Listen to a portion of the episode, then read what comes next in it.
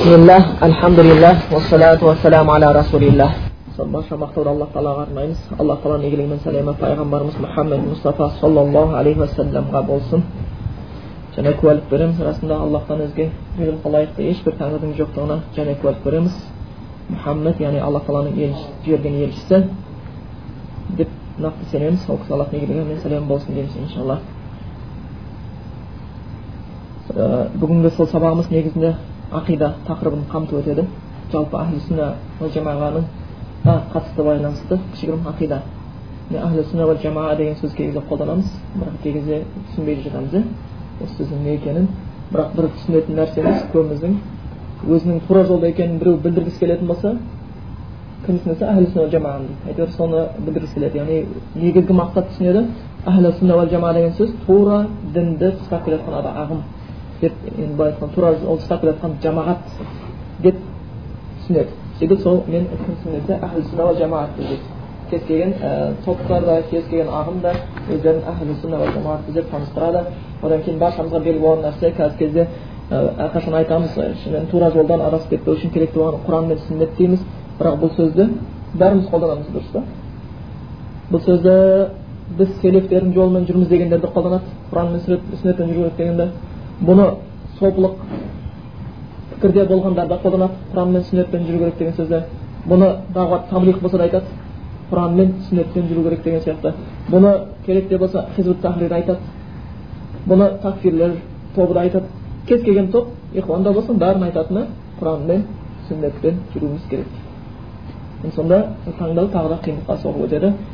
Сондықтан осы сүнна жамағатқа байланысты кішігірім нәрсе айтып кетпекшіміз жалпы осының алдында біз бірнеше дәрістерден байқап білгеніміз аллах тағала адам баласын жаратқаннан кейін оларға пайғамбарлар жіберген оларға кітаптар түсірген яғни бекерге қалдырған жоқ адам баласы қараусыз бекерге қалып кеткен кезі болған жоқ яғни алла тағала шынымен де оларға дін жіберді пайғамбарларын жіберді кітаптарын жіберіп отырды сондықтан қаншала мысалға адам ата мен жаңа хауа анамыздың қиссасын көрсек те білеміз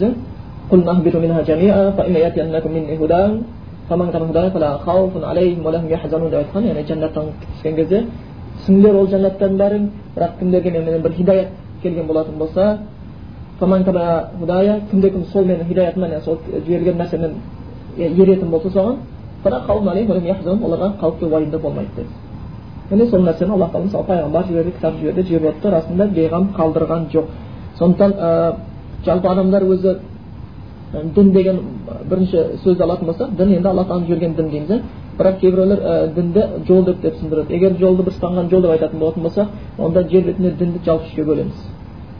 Бірінші аллахтан келген дін және өзінің негізін сақтап қалған дін деп айтсақ болады. Және аллах екінші аллахтан келген дін бірақ негізін сақтай алмаған дін. Үшіншісі адамдардың өздері ойлап тапқан діндер болып келеді. Сондықтан бұның қатарына діни жаңағы аллахқа сеніп сенбесін ағымдар да діннің ішіне кіріп кетеді марксизм дейміз олар дін олар өзінше олар да сол күйінде олар мүмкін толығыменен құдайды жоққа шығарған шығар. Бірақ арабтың мушриктері құдайды бар дейтін бірақтан өлгеннен кейін қайта тірілу деген сол сияқты мәселелерге олар сенген жоқ. Есеп күні қиямет күніне мысалға сене қойған жоқ. Сол сияқты әрбір ағым өзінше келді. Сондықтан шынымен де осы нәрсенің ішінде енді адамның ойлап тапқан дінін ажырату оншалықты қиындыққа соқпайды мысалы будда болсын басқа болсын бұлар бір адамның ойының жемістері философиялық нәрселер. Мысалы гректерде сондай нәрселер көп болған грек философтарынан көптеген осы аллах тағалаға байланысты аллахтың барлығын мойындаған көпшілігі гректердің де бірақтан жаңағы ғайып істерге жәннат жайында рух жайында не жайында өздері ой жүгіртіп тіпті құдай жайында да ой жүгіртіп қате пікірлерге келіп қалыпты да өздері де адасқан сондықтан жаңағыдай ал енді жаңағы материализмге келетін болсақ олар айтқан жер бетінде дінсіз де уақыт болған деп өздері айтады дінсіз адам өмір сүрген дейді сосын ол кез қай кез десең адам маймыл болып жүрген кез дейді енді біз қазіргі кезде анық көріп жатырмыз бүкіл ғылым дәлелдеп жатыр маймыл мен адам арасында ешқандай қарым қатынастың жоқтығы олардың сыртқы пошымы бір біріне ұқсағанменен де олардың ішкі дүниесі былай жаратылысы яғни дамуы бір бірінен мүлдем алшақ дүние екенін ғалымдар қазір тауып жатыр сондықтан қазіргі кезде ол нәрсе толығыменен былай айтқанда негізсіз болды дін тұрғысынан да яғни ғылыми тұрғыдан да жоққа шығарды бірақтан сол кезінде өздерін яғни атамыз галила шешеміз шимпанзе дегенге сенгендер де болған соған ергендер де болған мүмкін олар дұрыс айтты бір жағынан себебі біз білеміз рахматулла және себебі біз білеміз аллахта құранда айтқан сияқты яғни аллахтың дініне қарсы келгендерді алла тағала не деп сипаттаған құранда олар мал сияқты сонда олар біз маймылмыз деп өздерін өздері мойындаған болса да қателеді демейміз егер сөйтіп мойындаған болса неге дінге қарсы шықты сондықтан олар өз сипаттарын өздері мойындады бір жағынан. Біз малмыз біз маймылмыз біз хайуанбыз деп өздерін өздері мойындады. Неге? Діннен алыс болғандықтан алла тағала расында айтқан оларға олар мал сияқты одан себебі малдың жаратылысы мал ол оған тән нәрсе. Яғни хайуандық малдық істер ал адамға хайуандық малдық істер тән емес. Адамға тән нәрсе адамгершілік істер болып табылуы керек деген сондықтан расында сол бұдан түсінгеніміз жер бетінде дінсіз кез болған жоқ дін түспеген кез болған жоқ сондықтан әрқашанда адам баласының бүкіл адамдардың діннен діннен алшақ өмір сүрген кезі жоқ енді екінші проблема туады онда адамдардың дінсіз өмір сүрген кезеңі болмаған болса онда дін қазір көп соның турасы қайсы деген ой туады бірақ біз өткенде дәріс айтатынбыз шынымен де ақыл есі дұрыс болатын болса дұрыс парасатты айтатын болатын болса белгілі бір саяси топтан діни ағымдардан ойы таза болып болмаса өзін таза күйде ұстайтын адам болатын болса болмаса шынымен де шындықты тура іздейтін адам болатын болса бүкіл діндердің есігін қақып көрсін бірақ соның ішінде исламның хақ екенін оп оңай тауып алады. Бүкіл нәрседен. Тіпті анау оксфорд университетінің бір тарихшысы айтады ғой. Дін тарихтан өте өте аты белгілі болған қазір есімнен шығып отыр есімі барлығы соны келдім да бірақ та енді тарихтан әбден бір жетістікке жеткен екен бұл кісі дін тарихын жазып шықпақшы болған. Діннің тарихын жазып шығайын дегенде барлық дінді зерттеп келген кезде шынымен де көп дінді күл талқанға жіберген да ойдан құралғанын көрген ана дін адам ойлап тапқан будданы бір принцтің принц болып шыққан бір ненің баласы ол ананікі мынау мынанікі мынау бәрі өтірік болып шыққан өтірік болып шыққан ешқайсысы ғылыми түрде сәйкес келмейді бірақ ең соңында айтады бірақ кейбір нәрсеге тісім өтпей қалды дейді да соны айтады ол ислам менен христианство дейді да яғни бұлар ойдан табылмағаны шынымен де аллахтан келгені көрініп тұрады деп ол кісі өзі мойындайды уағалейкум ондай болатын болса біз дінді жаңа жоғарыда үшке бөлдік адамның ойлап тапқан діндері адам ой жемісінен туған діндер аллахтан келген діндер бірақ негізін сақталмаған діндер және аллахтан келіп негізін сақталынған діндер ондай болса бұл жаңағы кісілер айтқан сияқты дінсіз жер бетінде өмір болмады дін болды онда кейбір адам ойланып тапқан діннің бәрін онда жоққа шығарсақ болады бүкіл будда басқа болсын қиналмастан біз жоққа шығара аламыз енді бірақтан бар діндердің арасында таласуы мүмкін жаңағы аллахтан кітап егелер деп китап деп қояды кітап түскен қауымдар яхудилер насранилер олар да бар болған бірақ оны да шынымен жақсылап қараған адам жақсылап білген адам олардың да қасында исламның көші ілгері екен исламның хақ екенін анықтап таба алады себебі олар да өздерінің тарапында өз діндерін қорғауға келген кезде кейбір негізді сұрақтарға жауап беруге ешбір шамалары жоқ себебі олардың негізді сүйенетін яғни қазықтары жоқ негізі сүйенер мәселелері жоқ сондықтан анау бір леопольд вайс яғни кейін ислам дінін қабылдаған ыыы яхудилер равин болу керек еді енді айтқанда оларда иә атасы равин болды басқасы равин болды ең жоғарғы жаңағы діни дін беткестер адам ғой. Духовный лицо дейміз ең жоғарғысы. Сондай болу керек еді ол жаңағы еврейдің көне тілін қатты білді тауратты өте терең оқыды бірақтан кейін ислам дініне өтіп кетті сонда сол кісінің өмірінде жазған бір кісі айтады ол кісінің өз дінінен түңілуі дейді өзінің дінін жақсы танығандығынан дейді. Өз дінін жақсы танығандықтан ол өз дінінен түңілді дейді. Яғни әркім өз дінін шынымен зерттейтін болатын болса көбінесе адамдар ей ата бабамыз мұсылман ғой атамыз христиан ғой апамыз яхуди ғой деп сол жүре береді ойланбайды. Бірақ кімде кім?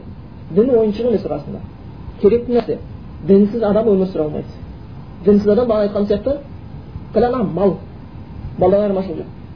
Онда болса бізге дін керек енді дін болғанда бізге ақиқат дін керек. Сондықтан жаңағы сүйенетін болатын болса жаңағы өз дінін жақсы танығаннан кейін ол өз дінінен түңілді деп айтқан сияқты леопольд вайсты ол равин болу керек еді ол үлкен бір діни адам болу керек еді бірақ одан бас тартып кетті. Дінін терең білгендіктен. Сол сияқты исламға өтті сол сияқты христиан да христиан діні де мысалға өздерінің библияларының кітаптан келген негіздердің өзгеруіне байланысты нұсқасын сақтамауына байланысты өздері бірнеше топқа бөлінді. Мүмкін мұсылмандар да бөлініп жатқанын көріп тұрмыз бірақ мұсылмандарда әлі де болса құран өз күйінде сақталып тұр. Сондықтан біз әр уақытта мақтанышпен айта аламыз. Құранның кез келген нұсқасын алып кел сонау осман империясы кезінде шыққан құран болсын мейлі қазан баспасынан шыққан құран болсын тіпті соңғы ана бір малик бахтың комбинатынан қазір шығып шығып тұрған құран болсын алып кел ешқандай айырмашылық таппайсың дейміз таппайсың дейміз және расында таба алмайды ал енді ә, христиандардың қатты қиналып жері сол библиясына келіп қиналады олар сол өзінің нағыз оригинал библиясын алып келе алмайды библияның негізгі түскен тіліндегі библияны және алып келе алмайды одан кейін сол өзгерістер болады бірде сіздерге айтқаным сияқты сондай библияны уағыздаушы егова куәгерлерінің біріне библияны уағыздаған кезінде айттым осы сіздердің оригинал библияларыңыз бар ма? Сол жағынан қиналды кейіннен кейін айтып отыр ғой. Неге сіздердің әрбір библияларыңызда әртүрлі жазылады деген сұрақ қойдым. Сонда ол кісі деп жауап берді енді дұрыс қой деді.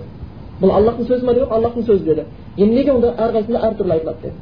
Аллахтың сөзі сосын айтты оған таңқалатын не бар? деді. Бұл мынау сияқты нәрсе деді. Егер деді көшеде бір авария болса деді. Сол аварияны он шақты адам көрсе деді.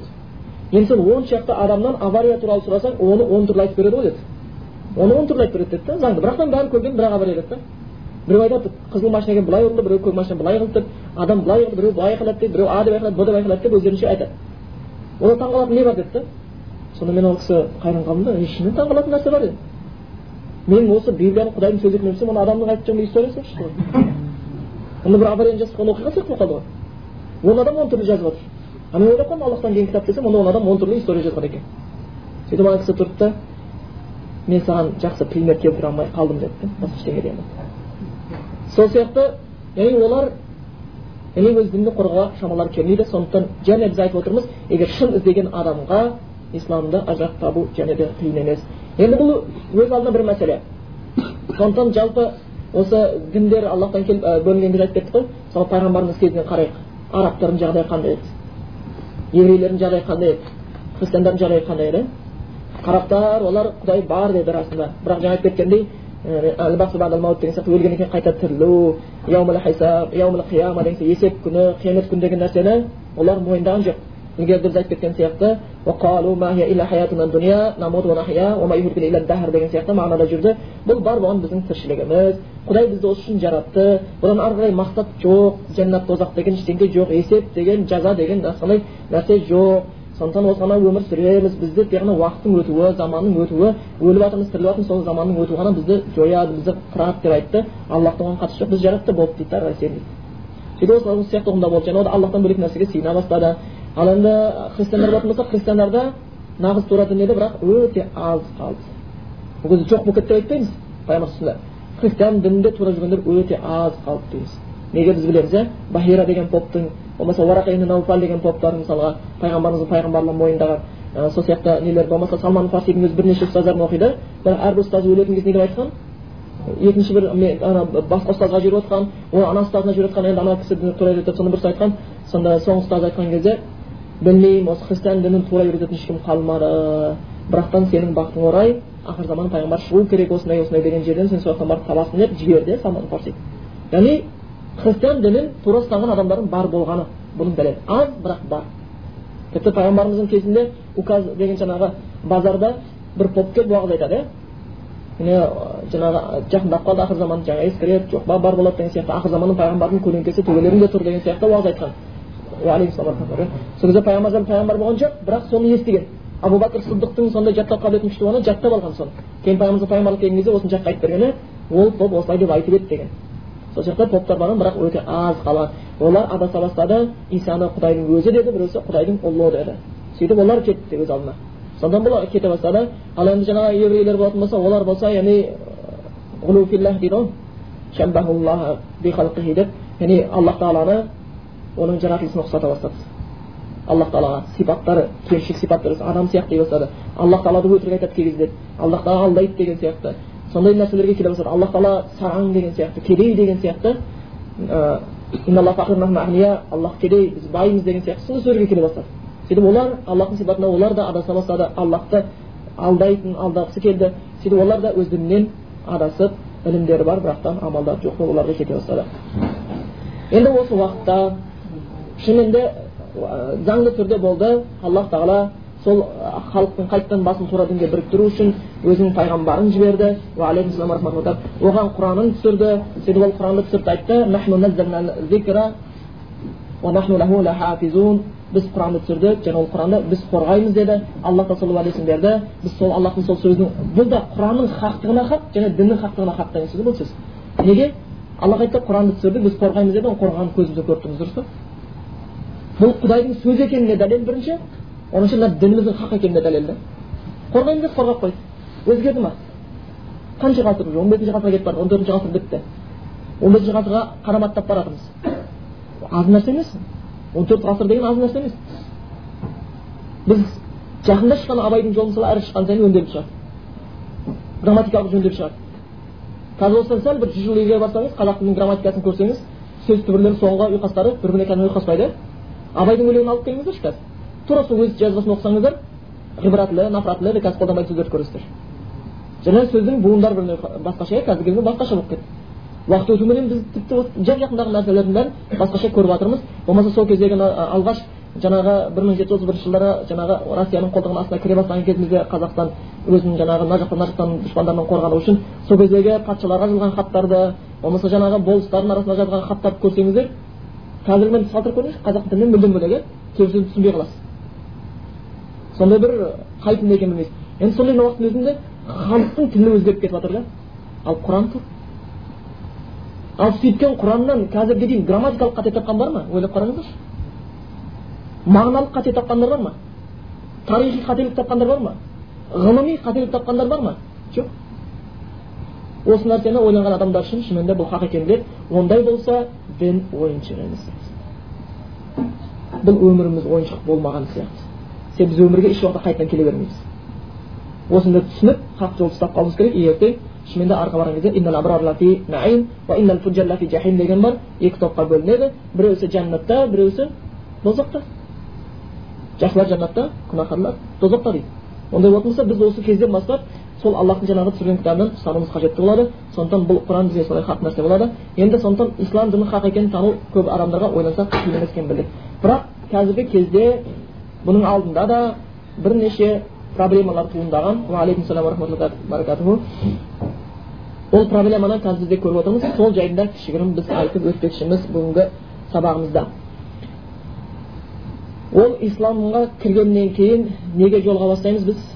Көптеген топтар мен ағымдар рас па негізі үлкен топ бар шығар енді ода проблема жоқ сунни шиға деп бөлетін мұны қиналмайсыз шиға адасқан сунни әмір сүннетін ұстанған қиналмас еді бірақ қазір одан да басқа көптеген топтар шықты әрқайсысының жеке жеке атаулары бар өздерінің жеке ұстанымдары бар өздерінің программалары бар жоспарлары бар өздерінің басшылары бар бастап берген өзінің ерушілері бар сондай шықты тіпті айқын бола бастады бір уақытта дін әлсіреген кезде яғни кәпірлердің мұсылмандарға айласы бірін айдап салу айласы өткен кезде біз көрген едік масқап пен масқаптар бір біріне қарсы шыққанын тіпті сондай сөз екен ханафи масқабы шафиғи масқабынан қыз ала алмайды деген дәрежеге жеткен иә діннен әрмен қылып жіберген да діннен әрмен аллах тағала құран кітабында әхлі кітаптардан яғни яхуди мен насранилерден қыз аласың деп айтқан еді енді мұсылман емес олар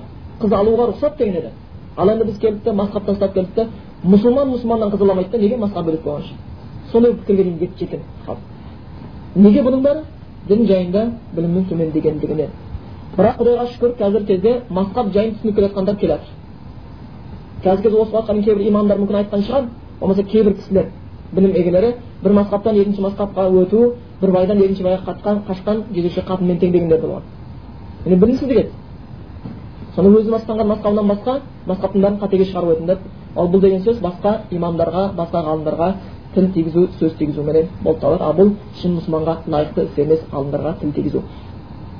Сондықтан енді масқап мәселесі бар еді. Масқап мәселесіне де мысалға шешуге болады. Масқап біз білдік. Масқап ол бір мектеп ол бір жол. Ғалымдардың сол өзінің бір өз әр территориясында тарады дінді үйреткен кезде сол құраннан хадистен дәлелдер әкелгені бірақ масқап мәселесінде біреу қателік жіберген болса біз оны кәпірлікке де басқа шығармаймыз. Тіпті оны сауапсыз қалдырмаймыз айтамыз ғалымдар ілгері айтқан сияқты имам шафи айтқан сияқты деп айтады мен ешкімге аллаға тәубе қыл деп айтқаным жоқ мен ешкіммен алла тәубе қыл деп айтқан жоқпын мен фиқ мәселесіне қазақстанға дейді себебі білемін себебі ол екі сауап пен бір сауаптың арасында екенін мен білгенмін дейді сол сияқты фиқ мәселесінде кім тура тапса екі сауап қателессе бір сауап оны айып жоқ ол жағынан енді ол масқат мәселесі де жайлап біздерге түсінікті болып келе жатқан уақыттарда енді арамызда жаңағындай неше түрлі топтар пайда болды хизб тахрир дейміз такфир дейміз өзінше ихуан дейміз болмаса суфи дейміз таблих дейміз атауы бар тіпті сәләф дейміз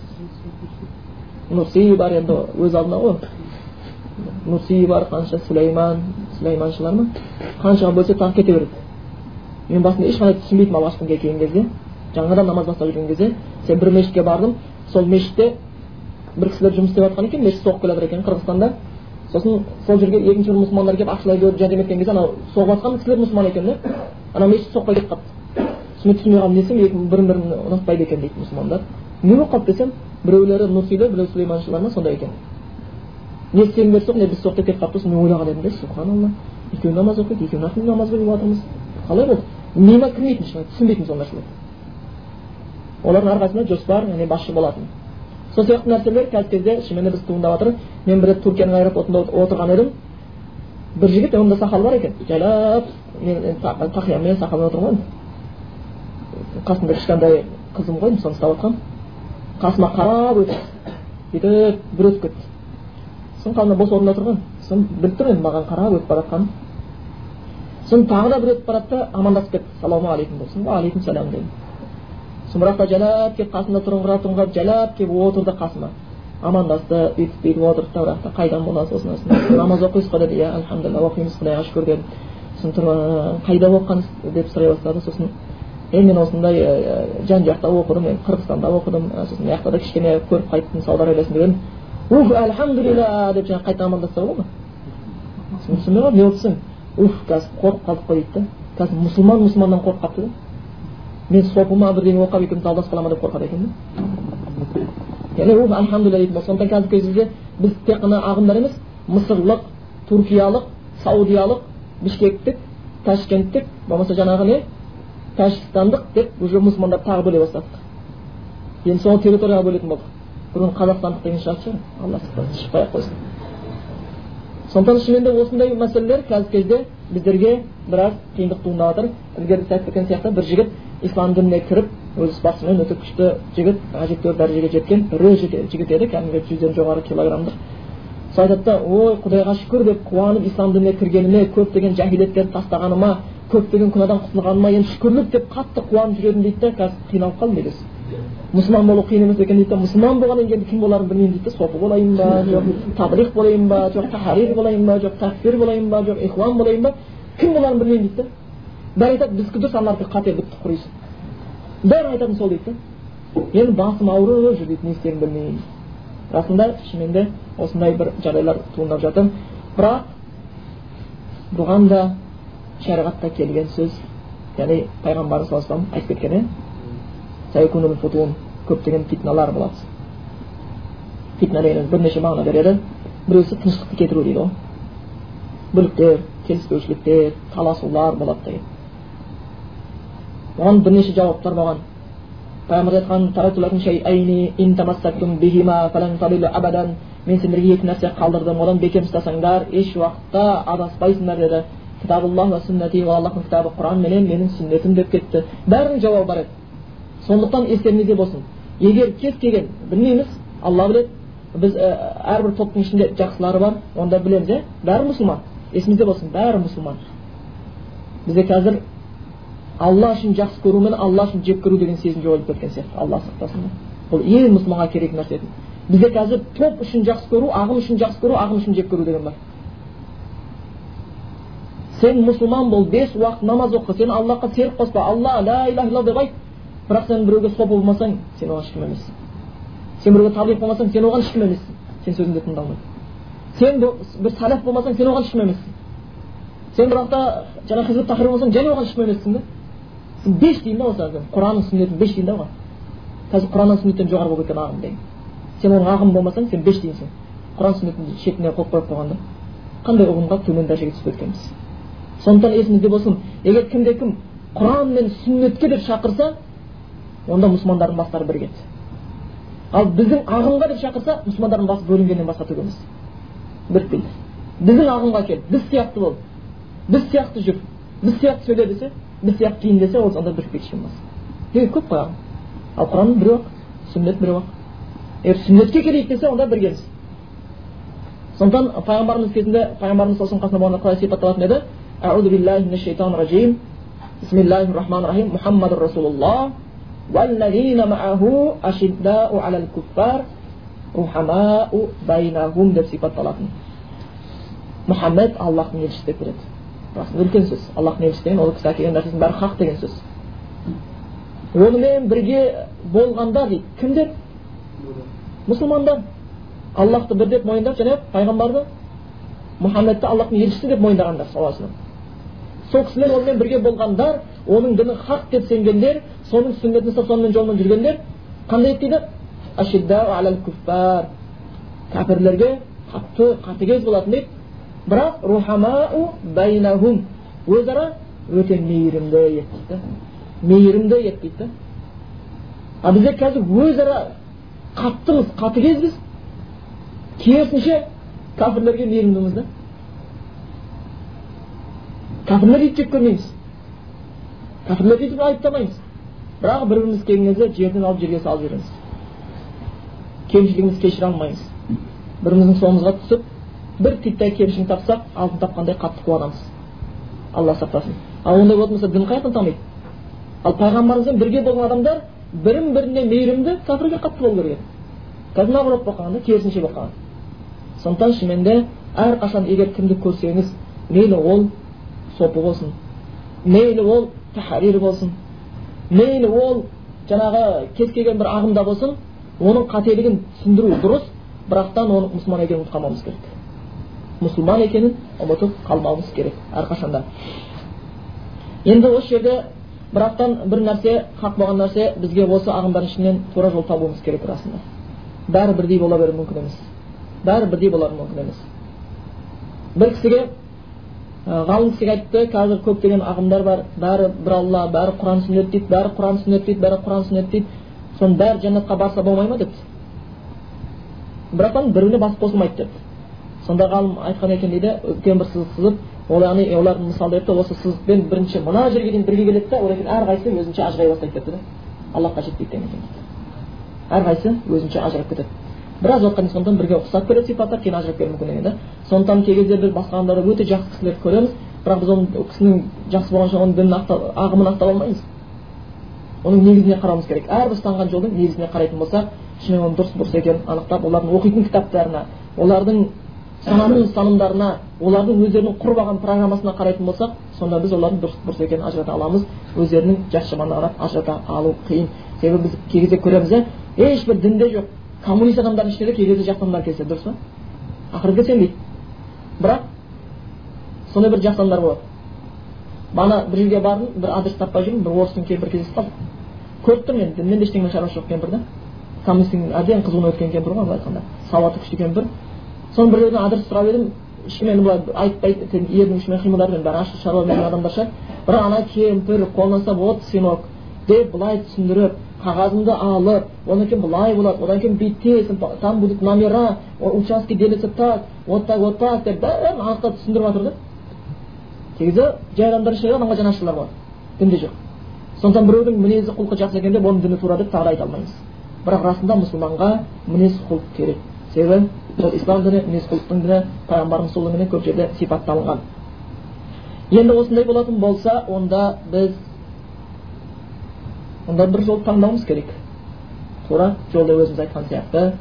Бұған айтар кезімізде бізге онда өзіміздің сөзіміз емес біз шейхтің сөзі емес басқа сөз емес пайғамбарымыз саллаллаху сөзінен бастайық сол пайғамбарымыз саллаллаху сөзі бізге жолбасшы болсын сонымен біз өзіміздің ауыр жарамызды емдейік өзіміздің жолымызды турап алайық ол жаңағы эрбар ибн сариядан жеткен бір хадис бар абу даудта тирмизиде риуаят етіледі сондай бір хадистердің бірі бұны навави де өзінің кітабында келтіріп кеткен ол хадисте жаңағы ол кісі жаңағы сахаба айтады аллах одан разы болсын яғни уазана расулуллахи саллаллаху алейхи вассалама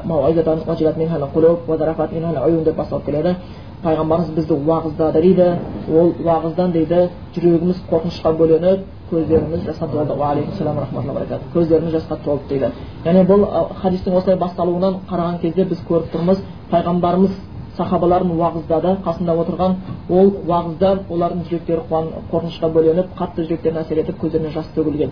Егер бұндай уағыз болмаса біз білмейміз қай тақырыпта не тақырыпта айтылғанын ол жерде бірақ пайғамбарымыз бір уағызбен уағыздады деп келеді одан жүрегіміз қорқынышқа бөленіп көзіміз жас төгілді дейді. Онда бұл өте бір маңызды да шынымен де жаңағы сахабалар түсінген пайғамбарымыздың аузынан төгілген хақ та шынайы шарапатты бір сөз болуы керек.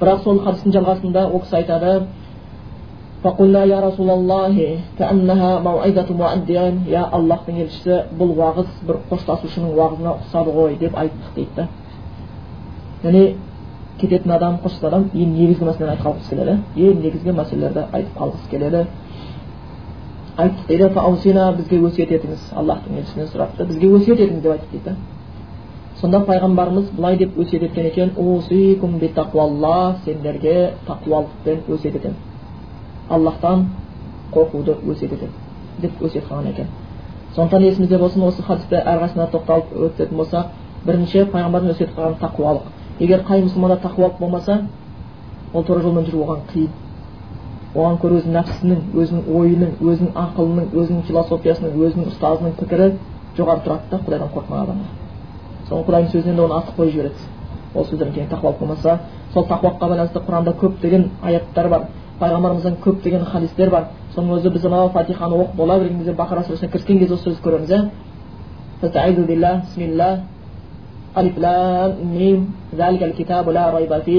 бұл кітапта ешқандай күдік жоқ тура жол көрсетеді кімдерге тақуаларға деп келеді да сондықтан кім тақуа болмаса ол құранда оған жол көрсетпейді есіңізде болсын кімде тақуалық болмаса құдайдан қорқу болмаса онда оған құранда жол көрсетпейді құдайдан тақуа болған адам да өмірдің кез келген қиыншылықтарында құраннан сүннеттен ұстанады тақуа болған адам өзінің қиналған сәттеріне өзінің ыңғайлы жағына бұрылып кете салады. Одан кейін аллах тағала құранда айтқан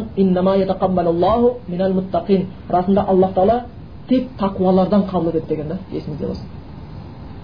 Біздің титтей бір жақсы сөзіміз уағызымыз болсын бағуатымыз болсын біздің намазымыз болсын зекетіміз болсын қажылығымыз болсын садақамыз болсын баламыз үшін әйеліміз үшін өзіміз үшін еліміз үшін көршіміз үшін досымыз үшін жасаған жақсылығымыз болсын қабыл болмайды тек тақуалықпен қабыл болады. Расында алла тағала құдайдан қорыққандардан қабыл етемін деген да сондықтан есіңізде болсын тақуалық бұл бүкіл істің басы. Осыменен дін негізінде тұрады. Кімде тақуалық болмаса ол қиын. Тақуалыққа байланысты көптеген сипаттар айтқан. Біреулер тақуалық деген алланың халал деген халал деп халал деп білу харам деген харам деп білу деген. Болмаса бір деректерде сахабалардан айтылған сөздер сияқты. Бір зу шаукатын деп келеді сондай бір тікенекті жолды көрсең даланы көрсең сен жалаң аяқ болсаң қалай жүрер едің дейді да тікенектер бас кетпей аяғыңа тікен кетпей үшін әрбір тікен жоқ жерді аңдып әр қадамыңды ақырын басып тікен бас кетпейін деп жүретін едім дейді да сол сияқты тақуалық деген сол сияқты нәрсе дейді да сондықтан тақуалық мына заманда әсіресе өте керек мына заманда тікен көбейген заман күнә көбейген заман бұяқта шахауат пен шүбханың тікені көбейіп кеткен заман қазір небір пікірлер небір философиялар небір ағымдар пайда болуына байланысты небір күнәлардың түрлеріне күнә деген қазір сіздің соңыңыздан да үстіңізден де астыңыздан да алдыңыздан да жан жағыңыздан қаптап тұр былай шықсаңыз да күнә мінсеңіз де күнә түссеңіз де күнә тек күнәсіз жүру басу қиын. Бір кішкентай қыз жаңағы әкесі сауд арабиясында университетте оқыған екен сол жақта тұрған сосын үйіне келген. Жаңағы әкесімен бірге моңғолияның жігіті ғой. Сөйтіп дастархан басына ауылына келіп елдің бәрі күтіп ойбай оқудан бала келді деп күтеді ғой. Қазақшылықтың бір жақсы жері алыстан біреу келсе алпыстан қарай сәлем береді деген сияқты. Бәрі жасап күтіп сол жаңағы қызы ғой ылғи мұсылмандарды көріп жүрген қыз дастархан басына отырып бес жастағы қыз ба есімнен шығып қалды төрт жаста ма қыз еді отырып бірақ та күрсініпті да терең. Не болды десе ту мына адамдардың бәрі тозаққа түсе ма деп сен ешқайсысынан мұсылманшылық көрмей қалыпты да. Сөйтсе дастархан басқан бір кемпір шошып кетті анау бізде жаман сөз жақсы жарымыз деген жаман сөзден қорқады ғой бәрі. Ей қой бүйтіп айтпа депті да. Сосын әкесі ұялып ей неге бүйтесің десе енді сол қолмен тамақ жейді бісміллә деп айтпайды. Намаз оқымайды ораза ұстамайды ғайбат сөйлейді депті да. Шынымен де жәннатқа баратын адамның жәннаттың ісін істеп жүреді күнә тозаққа баратын адам тозақтың істеп жүреді. Біз білмейміз кім жәннатқа тозаққа барады бірақ сол сипаттарынан білеміз да жәннатқа баратын адамдар жәннаттың ісін істеп жүреді тозаққа баратын тозақтың істеп жүреді. Арақ ішеді зинақорлық айтады өтірік айтады ғайбат қылады бірін бірін аңдиды сол күйінде жүреді. Сол сияқты айтқандай бірінші тақуалық сол тақуалық сені бүкіл күнәдан тосады да расында. Иманның ең абзалы қай жерде болсаң да аллахтың өзіңмен бірге екенін естен шығармау дейді қай жерде болсаң да аллахтың өзіңмен бірге екенін естен шығармады аллахтың көріп тұрған естіп тұрған тақуалық дегеніміз осы аллахтың яғни бүкіл жағдайда біз қандай халде қандай жағдай болсақ біз көріп тұрғанын естен шығармау соны тақуалықтың бірнеше сипаттары бар сондықтан пайғамбарымыздың бірінші осы айтқан өсиет қылыңыз деген кезде айтқаны сендерді өз тақуалыққа өсиет етемін деген да одан кейін пайғамбарымыз деген егер сендерге құл әмірлік қылса да оған құлақ салып мойынсұнарыңды өсиет етемін деген. Одан кейін пайғамбарымыз айтқан бізге тақырыбымызға қатты қажетті болып тұрған және халқымызға қатысты болған мәселе осы жер еді. Пайғамбар айтқан сендерден кім өмір сүрсе онда көптеген келіспеушіліктерді көреді кәсира көптеген келіспеушілік көреді көріп жатырмыз ол нәрселерге жолықтық бұл да пайғамбарымыздың пайғамбарлығының дәлелі тек пайғамбарымыздың тұсында сондай нәрсе болды ма пайғамбарымыз тұсында ақида бөлінген бе еді пайғамбарымыз тұсында фиқ бөлінген бе еді пайғамбарымыздың тұсында төрт деген төрт мазхаб деген болушы ма еді пайғамбарымыз тұсында жүздеген ағымдар болушы ма еді ақидадан пайғамбардың тұсында дінге философия кірген бе еді жоқ оның нәрсенің ешқайсысы болған жоқ бәрі уммат уммат уахидатун бір ғана қауым етін мұсылмандардың бәрі бір дене сияқты етін біреуісінің бір жері ауырса бәрі соны сезінетіндей болатын. Бірақ сол пайғамбар сол үшін соған байланысты айтқан хайрул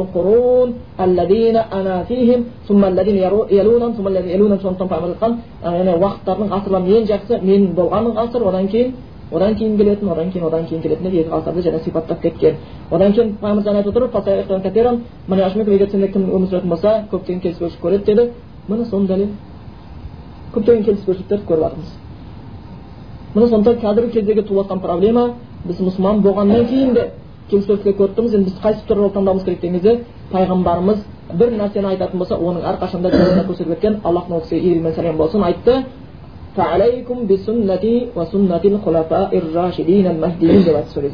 сендерге сол кезде ең қажет болған нәрсе менің сүннетім.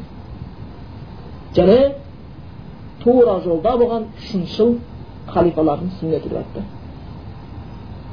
міне сондықтан кез келген нәрседен шығатын жауап осы сондықтан кез келген нәрсенің бір істеп жатқан істі көретін болсақ біз сұраймыз пайғамбарымыз істеген осы нәрсені жоқ істе деп айтқан ба жоқ мақұлдаған ба әлде болмаса пайғамбарымыздан кейін халифалар сахабалар істеген ба жоқ мақұлдаған ба бар ма еді сондай нәрсе жоқ болатын болса онда біз одан қашуымыз керек онда ол сүннет емес сондықтан сүнна уа жамаа деп аталуының өзі тура жолдағылар бүйтіп аталу себептерінің неге ондай атпен таңылулары олар сүннеттің бекем санады деген сөз сонда бұл хатта келіп отыр алейкум би сүннати сендерге менің жолым менің сүннетім және тура болған халифалардың сүннеттеп келеді және пайғамбар не деп айтады оған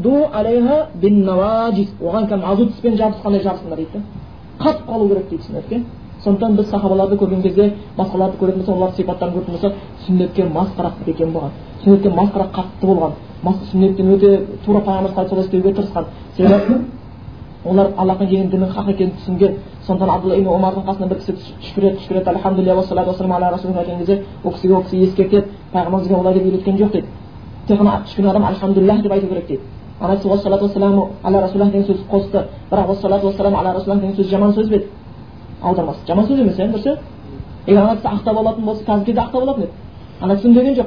Себебі хазіреті омардың баласының пайғамбарымыздың көзін көрген сүннетін жақсы білетін кісі болғаннан кейін ол кісі тоқтады. Ал қазір болса айтатын еді жоқ. Мен жаман сөз айттым ба? Пайғамбарымыз айтқан және бір хадисте. Кімде кім? Кім маған бір рет салат айтса алла маған он рет салауат айтады. Он рет игілік жібереді. Мен түшкіріп бір рет альхамдулилlah деп сауап алдым. Салауат айттым да тағы он сауап алдым. Несі бар екен а бірақ сүннетті жақсы білген ол кісі ескертті әр нәрсе өз орнында болу керек. Яғни пайғамбардан ақылды емессің деген сияқты нәрсе.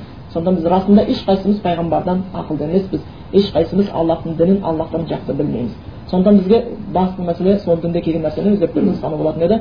Сондықтан сүннетке бекем ұстаныңдар деді да қатты ұстаныңдар деді. Сондықтан әхлі сүнна уа жамаа тура жолдағылар әхлі сүнна уа жамаат сүннеттен бекем ұстанғандықтары үшін солай айтылып кеткен.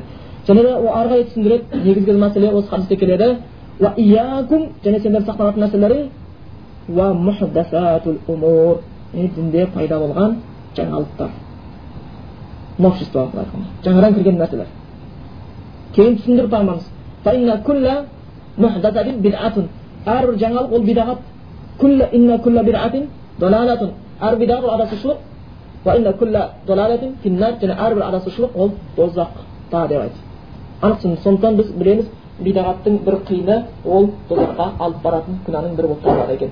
Басқа күнәларда да бар енді. Оны алла қаласа кешіретін шығар бірақ бидағатты да ішінде де ауыры бар діннен шығарып жіберетін бидағаттар бар бірақ жай күнә беретін бидағаттар бар дінге нұқсан келтіретін бидағаттар бар. Сонда бидағат ауыр болады сонда пайғамбар осы нәрсені ескертіп кетті. Сондықтан осы хадисті біз әрқашан өзімізге таразы сияқты алуымызда қажеттілік болады. Бірнеше хадистер бар. Құранға сүннеттен бекем ұстануға байланысты. Және осы хадисте бізге бір нәрсені түсіндіреді. Яғни бұдан көріп тұрғанымыз негізгі мәселелер сүннеттен бекем ұстанып бидағаттан алыс болу сүннет дегеніміз пайғамбарымыз үйреткен нәрселер бидағат дегеніміз дінде жоқ нәрселер сол үшін кім дінімізде жоқ нәрсені бір пайда қылатын болса ол қайтарылады қабыл етілмейді деген кез келген ғибадат түрін ойлап тапсын бұл хадистен алла қалай төтеп берер екен ол ғибадаттың түрі ол қалай айта алады егер аллахтың құраны менен пайғамбар сүннетіне келмей ғибадат ойлап та соны сауап табамын деп қалай айта алады адам баласы егер бұл хадис тұрса сен құран мен сүннетте келмеген нәрсені істейтін болсаң ғибрат құлшылықтармен ол қабыл болмайды оның деп айтса біз оны қалай айта аламыз бізге қабыл болады деп. Сондықтан әрқашан осы нәрселерді ойлану қажеттік болады.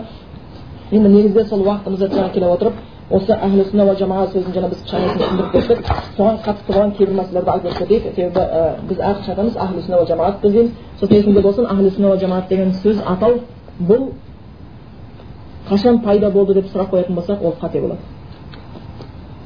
Мындай сұрақ қою қате болады. Әхлі жама қашан пайда болды десек бұл кейіннен пайда болған ағым емес расында сүннеттен бекен ұстаңдар жамағаттан ажырамаңдар деген сөздер кейбір кейбір хадистерде келеді бірақ бұл сөзбенен мұсылмандар қай кезде тура жолда қай кезде таңылды осы сипатпенен деп қойса онда сұрақ басқаша болады себебі имам ахмадтың тұсында бидағаттар көбейді сол кезде сүннеттен қатты ұстайтындарды осылай қалып кеткен әхлі сүнна сүннадан қатты ұстаушылар болмаса жамағат ажырамайтындар сияқты сол сияқты атаумен атап кеткен. Ал онда сол біз бәріміз әхлі сүнна ол жамаатпыз дейміз. Бірақ оған байланысты кейбір кішігірім сипаттар болады екен. Сол біздерде бар болса біз солардан ұқсаған болып табыламыз. Сондықтан олардың бірінші сипаттарының бірі яғни әхлі сүнна жамаатта болған бірінші сипаттары әрқашан құран мен сүннетті басып қалады. Біріншіміз.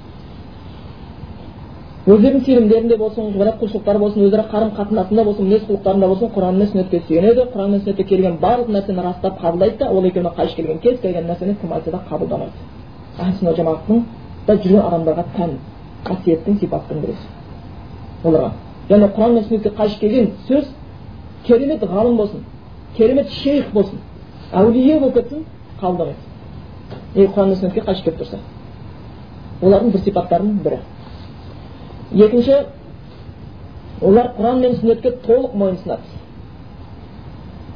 Және құран мен сүннетті ілгергі өткен сахабалар мен ғұламалардың түсінген түсінігінде түсінеді өздерінше емес себебі құранды кейіннен кейін батыни сыры бар зохири сыры бар деп екіге бөліп мынандай бар деп жаңағы ішкі сырлар бар деп ішкі сырын қалаған пендеде қалаған уақытта аударатындар да көп болып кеткен иә қалаған түсінігімен түсінетіндер болып кеткен күмәнді аяттарға үңіліп содан бір мағына шығарып кететіндер болған? Бірақ бұл жолда жүргендердің несі?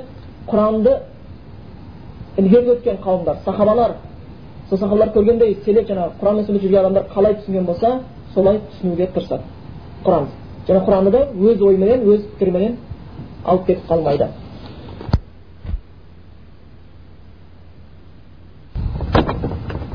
Сипат байланысты олар құран мен сүннетке тек қана соны мойындап қана қоймай соған еріп құран мен сүннетте келген нәрселерді толық орындауға тырысады сонымен жүруге тырысады және бидағаттан алыс болады. Дінге басқа жамағаттар сияқты дінде болмаған жаңалықтарды кіргізбейді. Сондықтан тура жолда жүргендердің тағы бір сипаты бидағат десе шекесі тырысып тұрады да содан білесіз бидағат десе әйтеуір жақтырмай тұрады. Әхлі сүнна жамағатта болған нәрсенің бір несі дінде жоқ нәрсеге жүрегі қабылдамай тұрады. Оның бір несі сондықтан сол күйінде және бір сипаттар бар екен. Одан кейінгі оларға тағы бір сипаттары ол жолда болғандардың олар құран мен сүннетті дұрыс түсінуге оны жаттауға оқуға мағынасын түсіндіруге қатты көңіл бөледі.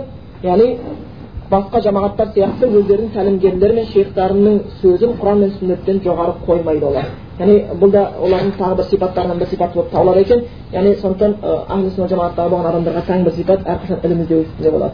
Дұрыс мағынаны түсіну үшін құранды үйренуге үйретуге тәпсірін оқуға және біреулерге түсіндіруге әрқашан осындай жағдайда жүретін жамағаттар болады білімге деген құштарлы болады. Сондықтан олар осы нәрсені қатты ұстайды. Одан кейін өздерінің кейбір ұстаздарының сөзін құранның сөзінен жоғары қойып қойып отырмайды. Қазіргі кезде ә, бір ұстазын болмаса шейхті жақсы көріп қалатын болса қате сөзін де қабылдап жібереді. Оның күнәсінің өзін сауап қылып көріп тұрады да соның күнәсін де қайталайды. Ізбес. Қателессе ол да сөйтіп қайталауға тырысады. Ей неге өйтіп істейтін ұстазың сөйтіп істе деп қояды. Одан кейін оларға тағы бір қатысты болған сипаттардың бірі телімде болсын шариғат үкімдерінде болсын пайғамбарымыз саллаллаху алейhi тура жолмен жеткен хадистері алаламай барлығын қабылдайды яғни пайғамбарымыздың сахих жолмен жеткен хадис болатын болса оны қайта тастамайды қабылдайды. Осы жерде айтып кетуге тура келеді. Айтайық олар қабірдегі азапты жоққа шығарады. Оған байланысты хадистер бар. Бірақ ол хадистер бір адамнан жеткен дейді. Хадистер өзі бөледі жаңағы мутуатир хадистер бар ахат деген хадистер бар ахат деген хадис мысалға жекелеген адамдардан жеткен да көпшілік емес деген бірнеше топпен жеткен хадистер демек адамның саны көбейген сайын оны жаңағы сахихты да күшейе түседі деп айтқан бірақтан кейбір топтар мысалға сол хадистерді бөліп мына хадис бізге керек мына хадис бізге керек емес деген сияқты айтады неге олай дейді себебі олардың көбісі мына ағым болған топтың көбісі бірінші өздерінің жоспарын жасап алады одан кейін барып құран мен сүннеттен іздейді да соған дәлел ал болған адамдар құран мен сүннеттен ұстанады соған сәйкес келсе істейді сәйкес келмесе істемейді олар жоспарға олар арнайы қылмайды олардың жоспары құран мен сүннеттің өзі ғана сондықтан пайғамбар жеткен хадистерді баста жаңағы сахих болса қабылдайды мысалға айтайық деген хадис хазірет омар жеткен бұл ахат хадис бір ақ адам жеткізген хазірет омар бірақ осы хадис кім мысалы тескері шығады қанша амалдар фиқта да болса ақидада да болса бүкіл кітапта кейбір айтқан бүкіл кітапқа ислам осы шариғат туралы бүкіл кітаптың бетінде бірінші бетінде осы хадис жазуды мен бұйырамын дегенде осы хадисте сүйенген кейбір хатта деп келеді. Мен дейді лұқматин кез келген бір жұтым су ішсем де бір жұтым нан жесем де бір жұтым тағам бір жұтым нан тағам жесем де ниет қылуды сүйенемін дегенде осы хадиске білген екен дейді. да яғни соны аллахтың разы үшін жеуге яғни күш қосалуға не қылатын сондықтан олар жаңағы хадиске келгенде ахлі жамаат пайғамбар сахи жолмен жетсе ол хадистер алламайды қабылдайды хадистерді. Одан кейін әхлі жамаатқа таң болған тағы сипаттың бірі олардың ең ұлы имамдары мұхаммед пайғамбар саллаллаху алейхи уассалам одан өзге кісілердің сөздерін құран мен сүннетке сәйкес келсе қабылдайды да сәйкес келмесе тастайды. Яғни басқа жамағаттар секілді өз сөздерін имам, имамдарының өз, өз имамдарының сөздерін құран мен сүннетке қарама қайшы болса да қабылдай бермейді. Яғни олардың негізгі ұстанатын имамдары пайғамбар мұхаммед мұстафа саллаллаху вассалам сонда имам мәліктің сөзін айтамыз иә ол кісі мешітте отырып сабақ берген кезде айтты. Барлығымыздың сөзіміз қайтарылады да қабылданады. Бірақ мына қабірде жатқан кісінің ғана сөз қайтарылмайды деп пайғамбарымыз көрсеткен сондықтан ахли жамаатқа таң болған нәрсе олардың үлкен имамдары пайғамбар мұхаммед мұстафа саллаллаху одан үлкен имамдар жоқ. Сондықтан басқа кейбір жамааттарды көреміз. Өздеріне одан да бөлек имамдар қойып алады солардың сөздері оған қатты ұстанып солардың жүрісіменен жүруге солардың түсінігімен түсінуге тырысады дінді. Одан кейінгісі бұларға әхлі сүнна жамаатқа тән болған тағы бір сипаттың бірі олар өз пайғамбарын жақсырақ танушы адамдар. Оның жолын ісін сөздерін басқалардан гөрі жақсырақ білушілер олар пайғамбарды өзгелерден артық сүйушілер сүйгендіктерінің дәлелі оның сүннетінен қатты ұстанады. Өз имандарын пайғамбардан да артық білуге құмартатын басқа жамағаттар сияқты емес дейді. Осы жерге қатты көңіл бөлулеріңізді сіздерге сұранамын. Біздің шынымен де аллахтан дін жеткізген кісі пайғамбар мұхаммад мұстафа саллаллаху алейhi вассалам сондықтан ол кісіні жақсырақ танысақ дінімізді тереңірек түсінсеңіз бұл мен әхлі сүнна жамаатта аллахтың көрсеткен сұрат мұстақимда келе жатырмын деген адам пайғамбарын жақсырақ тану керек пайғамбарымызды жақсырақ біле түсуіміз бізге дінді тура ұстауымызға көмектеседі одан кейін олар дейді тағы сипаттары олар дінді толық ұстанады өздеріне жаққанымен ұнағанын алып жақпағанын тастаушылар емес кеше осыған байланысты сұрақ болған иә кейбір діннің кейбір қағидалары арабтың кезінде сол уақытта дәуірге түскеннен кейін сол дәуірге лайықты біздің дәуірімізге лайықты емес деп айтатындар болған болмаса бұл дін арабқа лайықты қазаққа лайықты емес деген айтқандар болған. Жоқ олай емес жамаат ұстаушылар бұл діннің бүкіл әлем адамзат баласына түскенін мойындайды. Пайғамбарымыздың жындарға адамдарға бәріне түскенін мойындайды. Сондықтан олар құранда келген сияқты ей иман келтіргендер исламға яғни дінге толығыменен кіріңдер дейді. Соған мойынсынады. Сондықтан олар оны қабылдайды. Кейбір діннің мына бұйырып тұрған нәрсесі маған ұнамай тұр дін маған сақал қойды екен сақалды қойсам бәрі қыздың бәрі қашып кететін болды қойшы маған қоймай ақ қойшы деп соны сақалды қоймау керек деген нәрсе дәлелдеп жүрсін көресіз алла сақтасын. Сақал қоймай ақ қойсын или енді кейбір жағдайлар болуы мүмкін иә ыңғайсыз жағдай болуы мүмкін? Менің үш сақалым бар ұят болып жүр деген сияқты ма? Мүмкін болмаса жұмыстағылар қойғыздырмай жатыр деген сияқты болмаса әке шешем қарсы шығып жатыр деген сияқты мүмкін болса қоймай жүрмін сол қоймай жүрген менде сүннетке сәл қарама қайшы өзім істеп жүрген ісім дұрыс емес деп айтатындар айналайын ғой. Сол сақал қоймағаның сауап деп соны даналық деп жүргендер бар да. Соны дұрыс деп жүргендер бар. Қазір мұсылмандардың жағдайы попугай болып қалды дейді да бір кісі айтқандай. Қазір мұсылман туралы бір не деп айтса мұсылман иә иә деп отырады дейді да. Мұсылмандар террорист десе мұсылмандар иә террорист деп жатады. Ой сендер уахабистсіңдер сендер вообще не жаңағы бүкіл экстремистсіңдер иә біз экстремистпіз дейді. Ой сендер вообще шектен шығып кеткен адамсыңдар. Сендер сондай бір соғыс құмарсыңдар. Сендер қырып жоюшысыңдар сендер тонаушысыңдар сендер жаңағы наркомансыңдар деген сияқты иә біз сондаймыз деп отырады алла сақтасын. Яғни өз дінін өзі танымағаннан кейін басқалардікі попугай сияқты мойындап отырады біз жақсы білеміз дінде терроризм де жоқ дінде экстремизм де жоқ. Жаңа сондай нәрсе ағымды ұстанғандардікі олардікі дұрыс емес деп есептейміз. Сондықтан шынымен бұл жерде қандай бір жағдай болсын тыныш жеткен жатқан жерді еш уақытта барып жаруға қыруға исламда жол көрсетілмеген кімде кім себептен бір адамды өлтіретін болса ол бүкіл адамды өлтірген сияқты болады деп келген одан кейін оларға тән болған және бір сипат олар ілгергі өткен ғұламаларды құрметтейді мысалға айтайық абу ханифа имам малик болса имам ахмад шафиғи сияқты тағы көптеген хасан басри деген қанша бір үлкен кісілер өтіп кеткен солардың бәрін құрметпен естиді оларды құрметтейді сондықтан ей қойшы абу ханифаң бар болсын оны сен жаңағы жинап алып кетті ой имам мәлик слушай арабтардан басқа ешкімді жақтамайды деген сияқты нәрседе емес олар ғалымдардың бәрін құрметтейді сонда олардың бәрін құрметпен есептейді себеп қателеспейтін адам болмайды одан кейін әхлі сүнна жамаатқа байланысты тағы да сипаттардың бірі олар ілім мен құлшылықтарды қатар ұстайды бірін алып бірін тастап қоятын жамағаттар сияқты емес бұл да қажетті сипат сонда олар бір нәрсе үйренсе соған амал істеуге асығады іліммен жаңағы амалды қатар ұстауға тырысады олардың тағы бір сипаттары. Одан кейінгісі ә, тағы бір сипаттар оларға тән болған аллахқа тәуекел етулерді себептерге сүйенуді тысқары қоймайды. Яғни сондай бар иә тәуекел еттім дейді да себептерді тастап қоятындар болмаса тек қана себептерге сүйеніп тәуекел тастап қоятындар бар. Бірақ мұсылмандар ондай емес. Олар тәуекел де жасайды себептерге де сүйенеді яғни ол оған оларға ұстаз болған кісі пайғамбар мұхаммед мұстафа саллаллаху алейhi ол кісі мысалға жихадқа бір жаққа шығып бара жатқан болса екі сауыт киіп шығатын еді алды қорғайтын пайғамбар мен аллах қорғайды деп шықса болмайды болмас па еді ал біз пайғамбар емеспіз кей кезде ой аллах пышақ кес десе кеседі кес десе кес дейді бүйтсең бүйтпейсің ушсең өлмейсің тәуекел қылсаң болды сөйтіп неше түрлі жүреміз ой аллаға тәуекел қылсаң болды әйелің өзі туа береді қажеті жоқ оған аллаға тәуекел қылсаң болды жұмыс істеудің қажеті жоқ саған аспаннан нан жауады бірақ әхлі сүнна жамаатта ондай емес олар аллаға тәуекел етеді және себептерге де сүйенеді хазірет омардың кезінде асхаб суфа дейміз ғой ол кісілер жақсы кісілер болған бірақ бір мысал ретінде келтіріп кетеді солар жатқан еді бірақ олар сондай бір кедейлеу кісілер еді асхаб суфада жатқан кісілер мешітте жатқан кісілер сол атпен таңылып кеткен олар бірақтан шынымен дін таратуға өте көп үлес қосқандар олар ілімді көп алды көп жинады. Сонда кейбір мұсылмандар ішінде жағдай болғандар оларға сүт апарып беретін еді оларға тағам апарып беретін еді. Бірақтан кей кезде олар сол ілім ізденеді бірақтан кей кезде жап қалған кезде хазірет омар оларды шығарған екен дейді. Шығыңдар деп.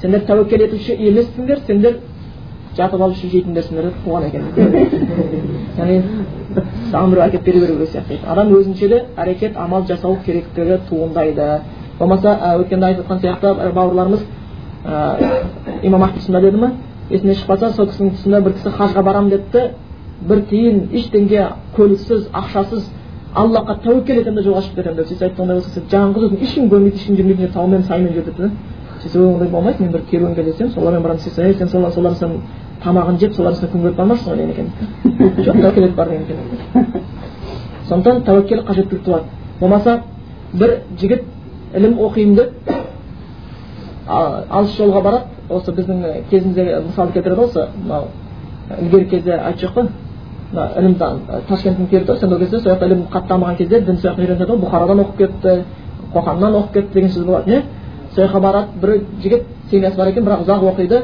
кейіннен кейін ұстазына айтады семьям бар еді соған бір барып кішкене рызықтандырып кетсем тамағын сусын әкеліп жинақтап беріп кетсем қайтадан оқуға келсем бола ма дейді ұстаз қуанады да дұрыс семьяңа баруың керексің олардың сенде хақысы бар бар да тамағын суын тауып бер сөйтіп та қайтып келесің оқуға деп жібереді сонымен бұл шәкірті жолға кетеді сөйтіп бір талдың түбінде демалайын деп жатса жолда келеді шаршап енді ол кезде ондай көлік автобус деген әлі толық жетілмеген ғой қараса бір кептерді көрді қанаты сынған екен да ұшамайды дейді жатыр екен ойлапты да ой байқұс келіптір ай енді өлетін болдың ғой саған кім су әкеліп береді кім саған жем әкеліп береді мына қанатыңмен азық тауып жібердің қанатыңмен суға барып жібердің енді қиын болып кетіп тұр енді сол жерде жатады жанашып жатады ол кептерге қараса бір уақытта бір бүркітке ұқсаған құс келіп жыртқыш құс келеді да аузында істеген жаңағы тағамы бар. Жаңағы кептерге келіп алдына тастап кетті да кептер жаңағыны жепті.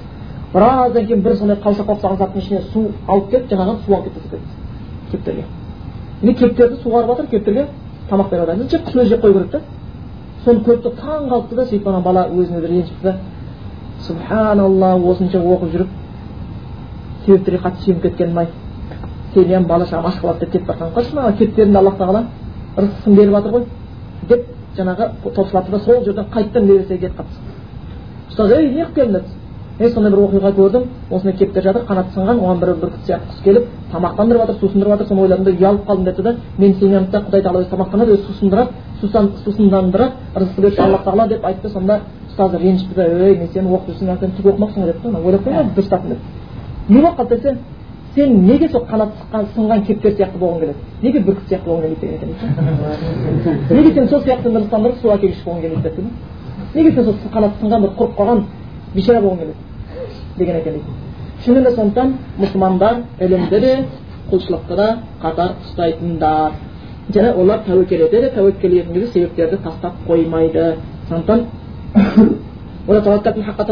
келетін хадис бар иә егер сендер шынайы тәуекел етсеңдер анау бір кішкене торғай құс рызықтандырғанда рызықтандырылатындар едіңдер деген хадис оқыдыңыздар ма келеді осы хадис егер сендер шын тәуекел еткен болсаңдар шынайы түрде хаққа онда келеді онда жаңағы құс рызықтандырған рызықтандырған ол дейді үйінен аш ұшады да тоқ қайтып келеді дейді да бірақ айтпайды алла тағала пайғамбар хадисінде ол ұясында аш болып жатса тоқ болып қалады деп айтпайды аш ұшып кетеді да тоқ болып қайтады дейді да бұл жерде себеп бар ұшты жем алып келді сөйтіп барып сойды қайтып келді сондықтан тәуекел ету шынайы тәуекел ету деген сөз бүкіл себептерді тастап қойып алма түс аузыма түс деп аяқ қолды керіп қойып жату емес себептерге сүйену. Сондықтан ахлі сүнна уал жамаатқа тән болған сипат олар тәуекел етеді де және себептерді де жолдарын ұстанады.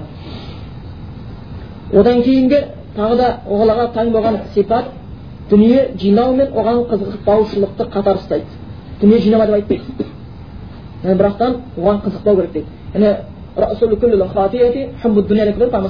бүкіл қателіктің басы дүниені жақсы көруде дейді. Дүние жинауда демейді дүниені жақсы көруде дейді. Сондықтан мұсылман адам дүниені қолында ұстайды иманды жүрегінде ұстайды. Жүректегі нәрсе шығу қиын. Егер кімде кім дүниені жүрекке салып қоятын болса онdan шығара алмайсың да оған нан бер деген сөз жан бер деген сияқты естіледі да зәреш береді жүрегіне салған адамдарға дүние. Одан ештеңе шығара алмайсың да. Сондықтан мұсылман иман жүректе ұстайды бірақ дүниені қолда ұстайды. Сондықтан аллахтың жолына ештеңе аямас еді. Бір кісі айтқан сияқты бір түркияда бір кісі мұсылман болған екен намаз оқыды бірақ өте бай дәулетті кісі екен сол мұсылман бір кісілер барып зекет оған парыз болғанын айтып сіз осынша дүниеңіз бар деп дүниесін есептеп шығарып беріпті өзі айтқан болса керек сөйтіп зекетіңіз осынша деп дейді да сөйтіп жаңағы кісіге айтты енді осыны беруіңіз керек деді бермейін десе құдайдан қорқып тұр дейді берейін десе өмір беріп көрмеген адам қиналып тұрды да бірақ айтты ғой келіп сейфті ашайын депті да сендер өздерің алып алыңдаршы менің қолым бармай тұр деді соншалықты жақсы көріп кеткен да дүниені менің қолым бармай тұр сендер өздерің алыңдаршы дейді да өз қолымен беруге де уже жаңағы ал бұл өте жаман сипат. Бірақ мұсылмандарда дүние жинама демейді. Үй соқпа көлік мінбе демейді. Төрт қатын алма демейді. Бірақ сүйіп кетпе дейді. Дүниені жақсы көріп кетпе дейді. Сондықтан бір ғалымдар тағы түсіндірген олар жақсы түсіндірген. Мұсылман адамдар мүлдем дүние керек жоқ десе дін таратуда өзіміздің жаңа тіршілік етуімізде онда олар қателеседі дейді да мұсылманға дүние керек кемеге су қажет болғаны сияқты. Егер кеме теңізде болатын болса ол жағалаудың бір шетінен екінші шетіне бару үшін оған су қажет дейді. Егер су болмаса кеме жүре алмайды дейді. Сондықтан мұсылман да тіршілік ету үшін дінін тарату үшін оған дүние қажет дейді. Бірақ кеменің түбінен тесік пайда болса судың түбіне келеді дейді. Мұсылманның жүрегінде дүниеге деген тесік пайда болса онда мұсылман да не жәннатқа не дінде жоқ болып түбіне келеді дейді да күнәні. Сондықтан мұсылман адамға дүние жиналма демейді бірақ дүниеге қызықпа дейді. Сондықтан оларға мұсылмандар қанша адал жолмен қанша дүние жиналса да оны теріс деп есептемейді бірақ дүние жинауды негізгі мақсат деп алмайды олар. Одан кейін әхлі сүнна ол жамағатқа тән болған және бір сипаттардың бірі олар раббылары үшін жасайтын құлшылықта оның азабынан қорқып рахметінен үміт етіп әрі оны сүйіп ғибадат жасайды тек қана қорқып немесе тек қана сүйіп немесе тек қана үміт қана үміт етіп қана құлшылық жасамайды басқа жамағаттар сияқты кей көреміз сол хауариждер болған олар тек қана құдайдан қорқу арқылы құлшылық істейміз деп титтей күнә үшін кәпірге шығарып сондай титтей күнә істеген адамдарды өлтіріп те жіберген адамдар болған сен күнәһарсың кәпірсің бітті сен мұнафиқсың мүшриксің деп өлтіріп жібергендер болған болмаса тек қана жақсы көрдім деп құдайды дін деген жайына алып кетеді жаңа айтқан сияқты ғалымға кітап керек уағызшыға мінбер керек маған тек қана құдай керек құдай керек дейді да қаңғып кетіп қалады не үйрену жоқ не басқа жоқ жер түсіп кетеді махаббатпен деп болмаса тек қана үміт етіп е құдай бәрін кешіре береді намазға ұйықтап қалады е құдай бәрін кешіре береді бір рет келе жатсам ауылда мешіттің қасында бір кісілер жиналып арақ ішіп отыр мешіттің түбінде сен ана көңіл тал еді да шөбі биігетін сонымен астағфирлахтан жаңа сіздерге айттым көріп жүрген кісілер алдыңыздар бұларыңыз қалай? Енді арақ ішудің өзі бір харам бірақ құдайдың үйінің қасына қалай қорықпадыңыздар дедім да сөйтсем біреусі сайрап тұр тек. Енді құдай мейірімді емес па дейді? Да құдай біздің әкемізден шешемізден де мейірімді емес па деді айтып тұрған дұрыс иә дегісі келіп тұрмын мен иә дедім е онда болса құдай кешіреді ғой дейді. Құдай кешіреді бізді дейді. Бір іш қой біз құдай кешірмесе онда біз қалай онда өмір сүре алмаймыз ғой? Сосын айттым ей сен дедім анау қып қызыл көмірдің қып қызыл шоғына қолыңды салып жерде е күймейді ғой деп сала берші дедім е күймейді ғой деп салшы дедім күнә сияқты зардап береді құдай кешіреді егер соны күнә деп мойындап тәубе еткен болса сонда күнәні күнә деп мойындамау ол күнәдан істегеннен де ауыр күнә сонда олар раббылар құлшылығында қорқып үміт етіп сүйіп жасайды яғни тек қана бір ә, түрмені ғибадат құлшылық жасап кетпейді одан кейін олар мейірімділік пен жұмсақтықты қаттылықты бірге ұстайды бұл да даналық деп осы негізі осыны айтамыз даналық деген сөз ыржиып күліп ырғындап жүруіміз жаңа басында айтты ғой мұсылманға сабырлық керек бірақ дейді да хайуани сабырлық емес та мойнына пышақпен басып жатқан кезде үндемей жата беретін ондай сабырлық керек емес мұсылманға е бауыздай бер мен сабырлымын ғой деп мұсылманға шынайы иманға толы ақылмен парасатталған сабырлық керек сонда олар мейірімді де жұмсақ бірақ қаттылықтары да бар кей кезде күнә бір күнәсі көрсе оны ой жарайды деп кешіре салмайды оны айтқысы келеді оның жолын іздегісі ашуланады күнәсі көрген кезде күнәсіздерге ашуланады сондықтан олар бірақтан әрқайсысын өз орнында істейді. Беті жоқ ашуланбайтын жерде ашуланып мейірімді болмайтын жерде мейірімді болып қалып қалмайды олар олардың ә, және де олардың ең үлкен сипаттарының бірі әділдік. Есімізде болсын әділдік. Осы әрқашан керек. Әділдік ынсап деген араб тілінен келген яғни орта жолында нақты шешім беру ақын ақ деу қарасын қара деу сондықтан кей кезде басқа жамағаттар осындай сипаттар болмай қалады. Сондықтан сен олардың айтайық басқа жамағат сен софы болмасаң бітті сен бітті кәпірсің. Сен хизбут болмасаң бітті сен кәпірсің. Әділдік жоқ. Сондықтан біздерде бұл ахл сүннат жамағатта деп айтайық алла тағаладан тура жолдағылардан қылсын баршамызды онда әділдік болады турасын айтады дұрысын дұрыс дейді бұрысын бұрыс дейді ибн баздан келіп сұрайды осы дағуат таблиғ туралы жамағат туралы не дейсіз дейді да үлкен ғалым кісі ғой муфти болып тұрған кезде дейді оларда жақсылық бар дейді бірақ осындай осындай осындай жерлер түзелсе еді дейді бітті құрған адасқан дозаққа деп айтқан жоқ олардың жақсылық жерлері бар деді қанша адамдарға дінге кіруіне себепкер болып жатыр жүректерінде дінге деген қан бар деген сияқты айтып кетті бірақ мынадан ілім жетілдірсе екен мынандай қылса екен былай деп қатып қалмаса екен құран мен сүннетке кішкене ықтиятты болса екен деген сияқты нәрсе айтады сол сияқты әhl жамағаттар әділ болу керек та басқа кемшілік жерін кемшілік деп айтамыз құранға сүннетке тура келмейтін бірақ олардың мұсылманға лайық болған жерлерін біз де мойындаймыз олардың дұрыс сөздерін қабылдаймыз оның бір қатесін көргендіктен оны нөл процентке шығарып жібермейміз одан кейін әхлі сүнна уал жамағатқа қатысты болған және сипаттардың бірі және үлкен бір сипаттары ең маңызды ірі сипаттары ол ілімдегі аманат. Ең негізгі сипат. Яғни пайғамбарымыздан бір хадис естіген болса өзгертпестен өзінің нәпсінің қалаусына бұрмастан аяттар да дәл сондай жеткізеді аманаттар. Сол аманаттың арқасында имам бұхарилер имам муслимдер термизи ибн дауттар біздерге пайғамбарымыз хадистерін жеткізді сол аманаттың арқасында сондықтан аманат бұрмаланғанда онда дін ұстау мүлдем қиын болып қалатын еді пайғамбар көптеген хадис айтқан من سمع منا حديثا فبلغ كما سمع نظر имран من سمع منا حديثا فبلغ كما سمع деп келеді кімде кім бізден бір хадис естіген болса соны тура сол естігендей жеткізген болатын болса аллах оның жүзін ағартсын деген дейді да сонда де ілімді аманат қылатын адамдардың жүздерін ағартып қояды деген бүгін ақыретте соның жүзін иіліп көріп тұрасың дейді. Ал жаңағы болмаса айтқан пайғамбарымыз кім менің атымнан жалған сөз сөйлесе әдейілеп тұрып онда ол дозақтан орнын дайындасын деген екенбіз. Сондықтан олар ілімде аманатты қатты сақтайды құранның аяттары да өз мағынасында дұрыс күйінде жеткізуге тырысады сол күйінде үйретеді сол күйінде үйретуге тырысады.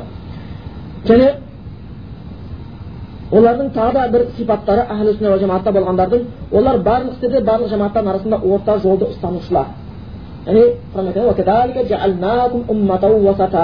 сол сияқты біз сендерді орта қауым еттік дейді ақидада болсын олар фиқта болсын орта қауым ұстағандар сондықтан тағы бір мәселе сосын кез келген қауымда ағымдар тұрысында болсын олар орта жол ұстағандар яғни бір шетке шығып кетпейді жол мұстақим жол деген тура жол деген сөз оңға кетіп қалмайды солға кетіп қалмайды яғни тура жүреді түсіп кетпейді шығып кетпейді тағдыр мәселесінде біреулер айтамыз иә. тағдыр жоққа шығарып жүргендер бар. Болмаса тағдырдан адамның қолында аллахтың қолында жоқ деп шығып кеткендер бар. Аллахтың сипаттарына келген кезде аллахқа адамға ұқсап жүргендер болмаса аллахтың бүкіл сипатын жоқ қылып жібергендер бар.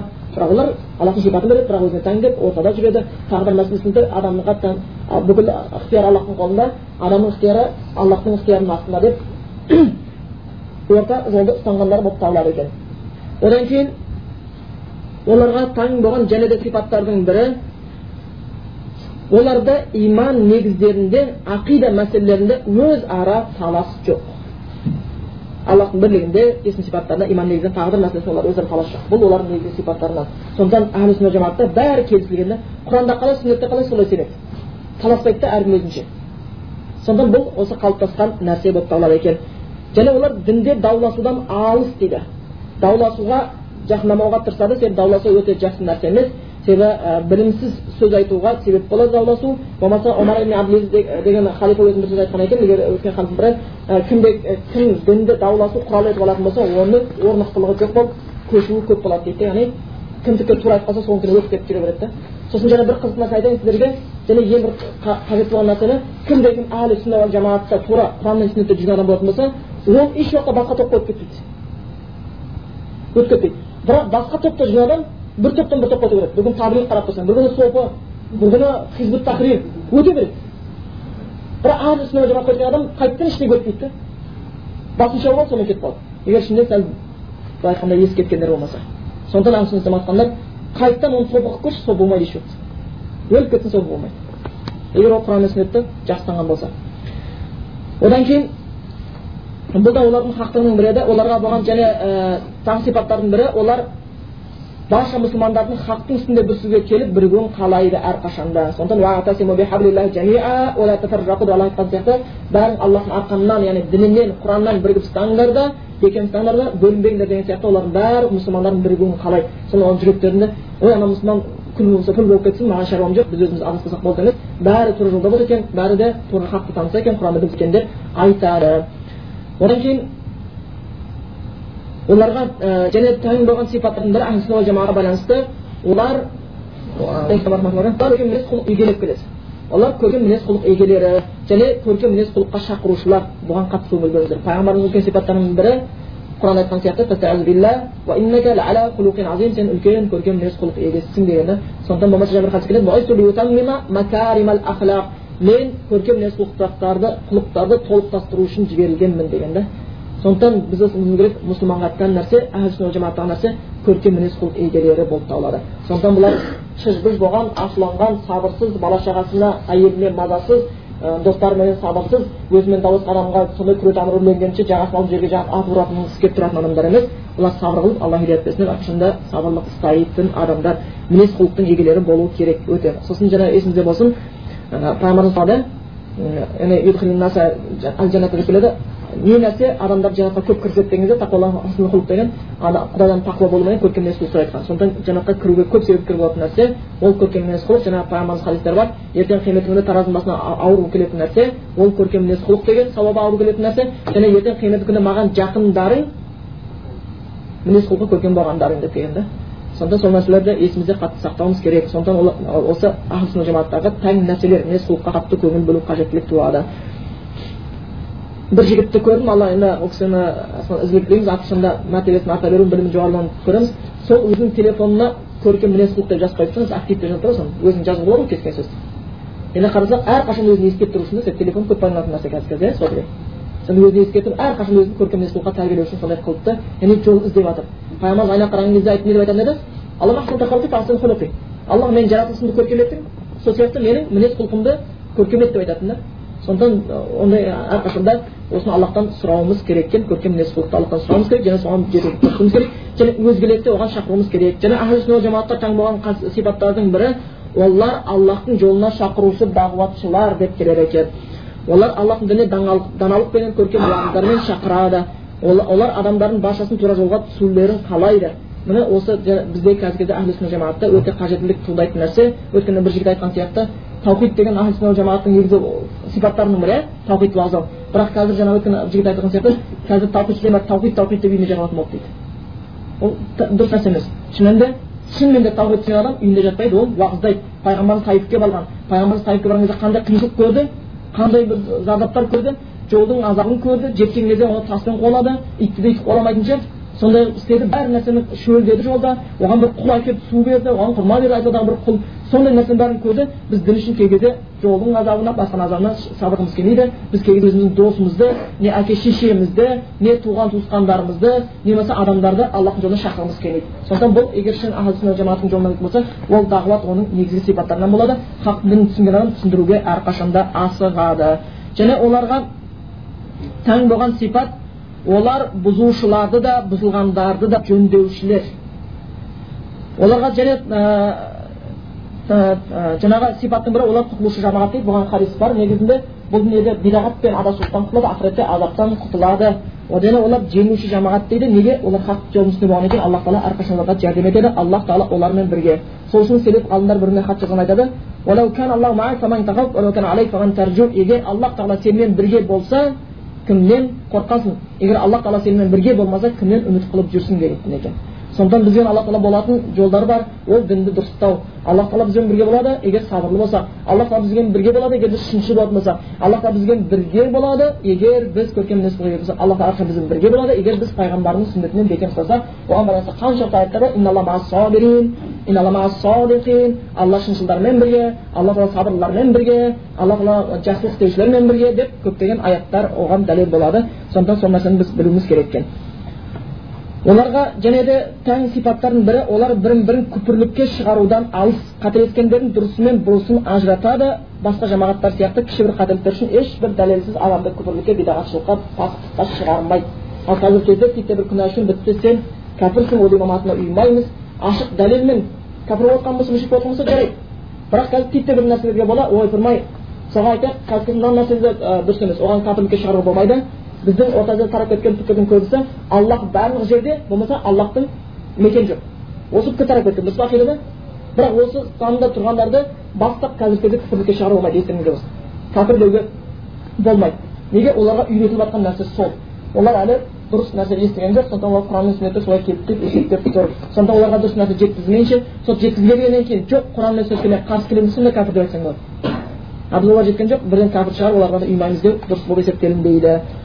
Одан кейін оларға және таң болған нәрсе сипат пайғамбарлардың сахабаларына жүректері таза оларға деген махаббатқа толы оларды жақсылықтармен ізгіліктермен естиді және пайғамбарымыздың қауымдарының ішіндегі ең пайғамбарымызға ерген қауымдардың ішіндегі ең жақсылары сахабалар екенін олар мойындайды. Оған көптеген хадистер бар пайғамбар дәлел болатын. Оған аяттар бар аллах тағала сахабаларға риза болғандығы олардың аллахтан риза болғандығы жайында олардың ішінде көзі тірісінде жәннатқа кіретінін естіп кеткендер бар. Пайғамбарымыз сахабаларға егер сендер дейді ұхуд тауындай алтынды аллах жолында садақа қылсаңдар менің сахабаларымның берген жарты қол садақасы дейді оның садақасына татымайды сендердің берген садақаларың деп келген. Сонда олардың сондай дәрежеде есептелген сонда олар туралы біз жаман сөз айтпаймыз. Оларды әрқашан жақсылықпен естиміз оларға тіл тигізуден алыспыз оларды мазақ қылудан да алыспыз. Одан кейін оларға және ә, таң болған сипаттардың бірі олар өздеріне жеткен хабарды растап алмайынша үкім шығармайды. Бұл өте қажетті бір сипаттың бірі қазіргі кезде. Титтей бір жетсе ей анау мұсылманды көрдім осыны істеп жүрген бітті ойпырмай біле бермес ол сондайлар растау керек түбіне жету керек егер сен оны жек көрсең де анау қауым сендерді бір қауымды жек көрулерің әділ болудан тосып қоймасын деген аят бар яғни біреуді жек көресің расында бір мінез үшін басқа үшін бірақ сол туралы бір жаман айтып келсе жаның рахаттанып кетпеу керек та қотырыңды қасаған сияқты өйткені біреу айтады алдыңның ішіндегі ең жақсы қотыр дейді бір шал шошып кетті ей неге олай дейсің десе кішетсің қашып қашып қасып қасып ана қанын ағып жіберген ух рахаттана сондай рахат ешкім сезген жоқ дейді. Мына біреуді жамандағанға дәлелсіз алып барғанға ғайбатты өсиет сүйетін адамдардың мысалы олардың жанын қотыр басқан да. Ана қаны шыққанша қасиетті сөйтіп барып рахаттанады да. Алла сақтасын сондықтан ол ғайбат сөйлеу деген аят бар иә бір біріңді ғайбаттамаңдар сендер не бір бірлерің бауырлыңның етін өлідей жеген жақсы көресің ба деген да.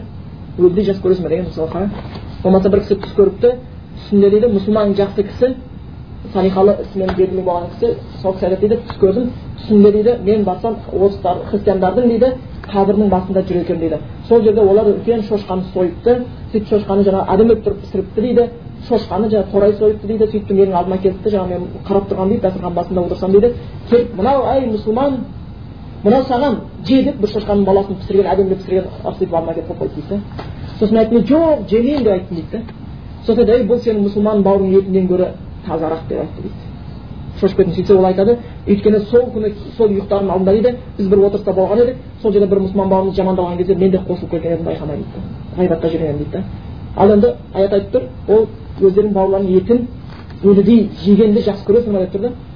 А түс көрдім дейді соны айтты бұл шошқаның еті сенің өзіңнің бауырың етіңнен гөрі жақсырақ деп айтты дейді да. Ет жеген бұл хужрат сүресінде келеді аятының саны есімде жоқ он екінші аятта хужрат сүресінде сондықтан осы байланысты осыдан сондықтан олар өздеріне жеткен хабардың анықтап алмайынша бірін бірін күпірлікке шығарудан алыс сондықтан міне әхлі сүнна жамаатқа байланысты кейбір осы ерекше сипаттары кешіресіздер уақыттарын сәл артығырақ алып қойдым. Себебі бұл өте қажеттілік туындайды осыны біле жүруіміз баршамызға қажет. Шынымен де кезде осындай бір уақыт алла тағала баршамызды хидаятқа бастасын. Барша мұсылман бауырларымызды хидаятқа бастасын. Алла тағала шынымен де бірін бірін жақсы көрген кәпірлер үшін қатты іздеу болған. Сондай бір бір жамағат болуымызды және сондай құтылушы жеңімпаз жамағат болуымызды алла тағала нәсіп етсін. Екінде де баршамызды жеткізіп тозақ сақтасын. Ұқсап болса енді маған бір сабағыма кешіріңіз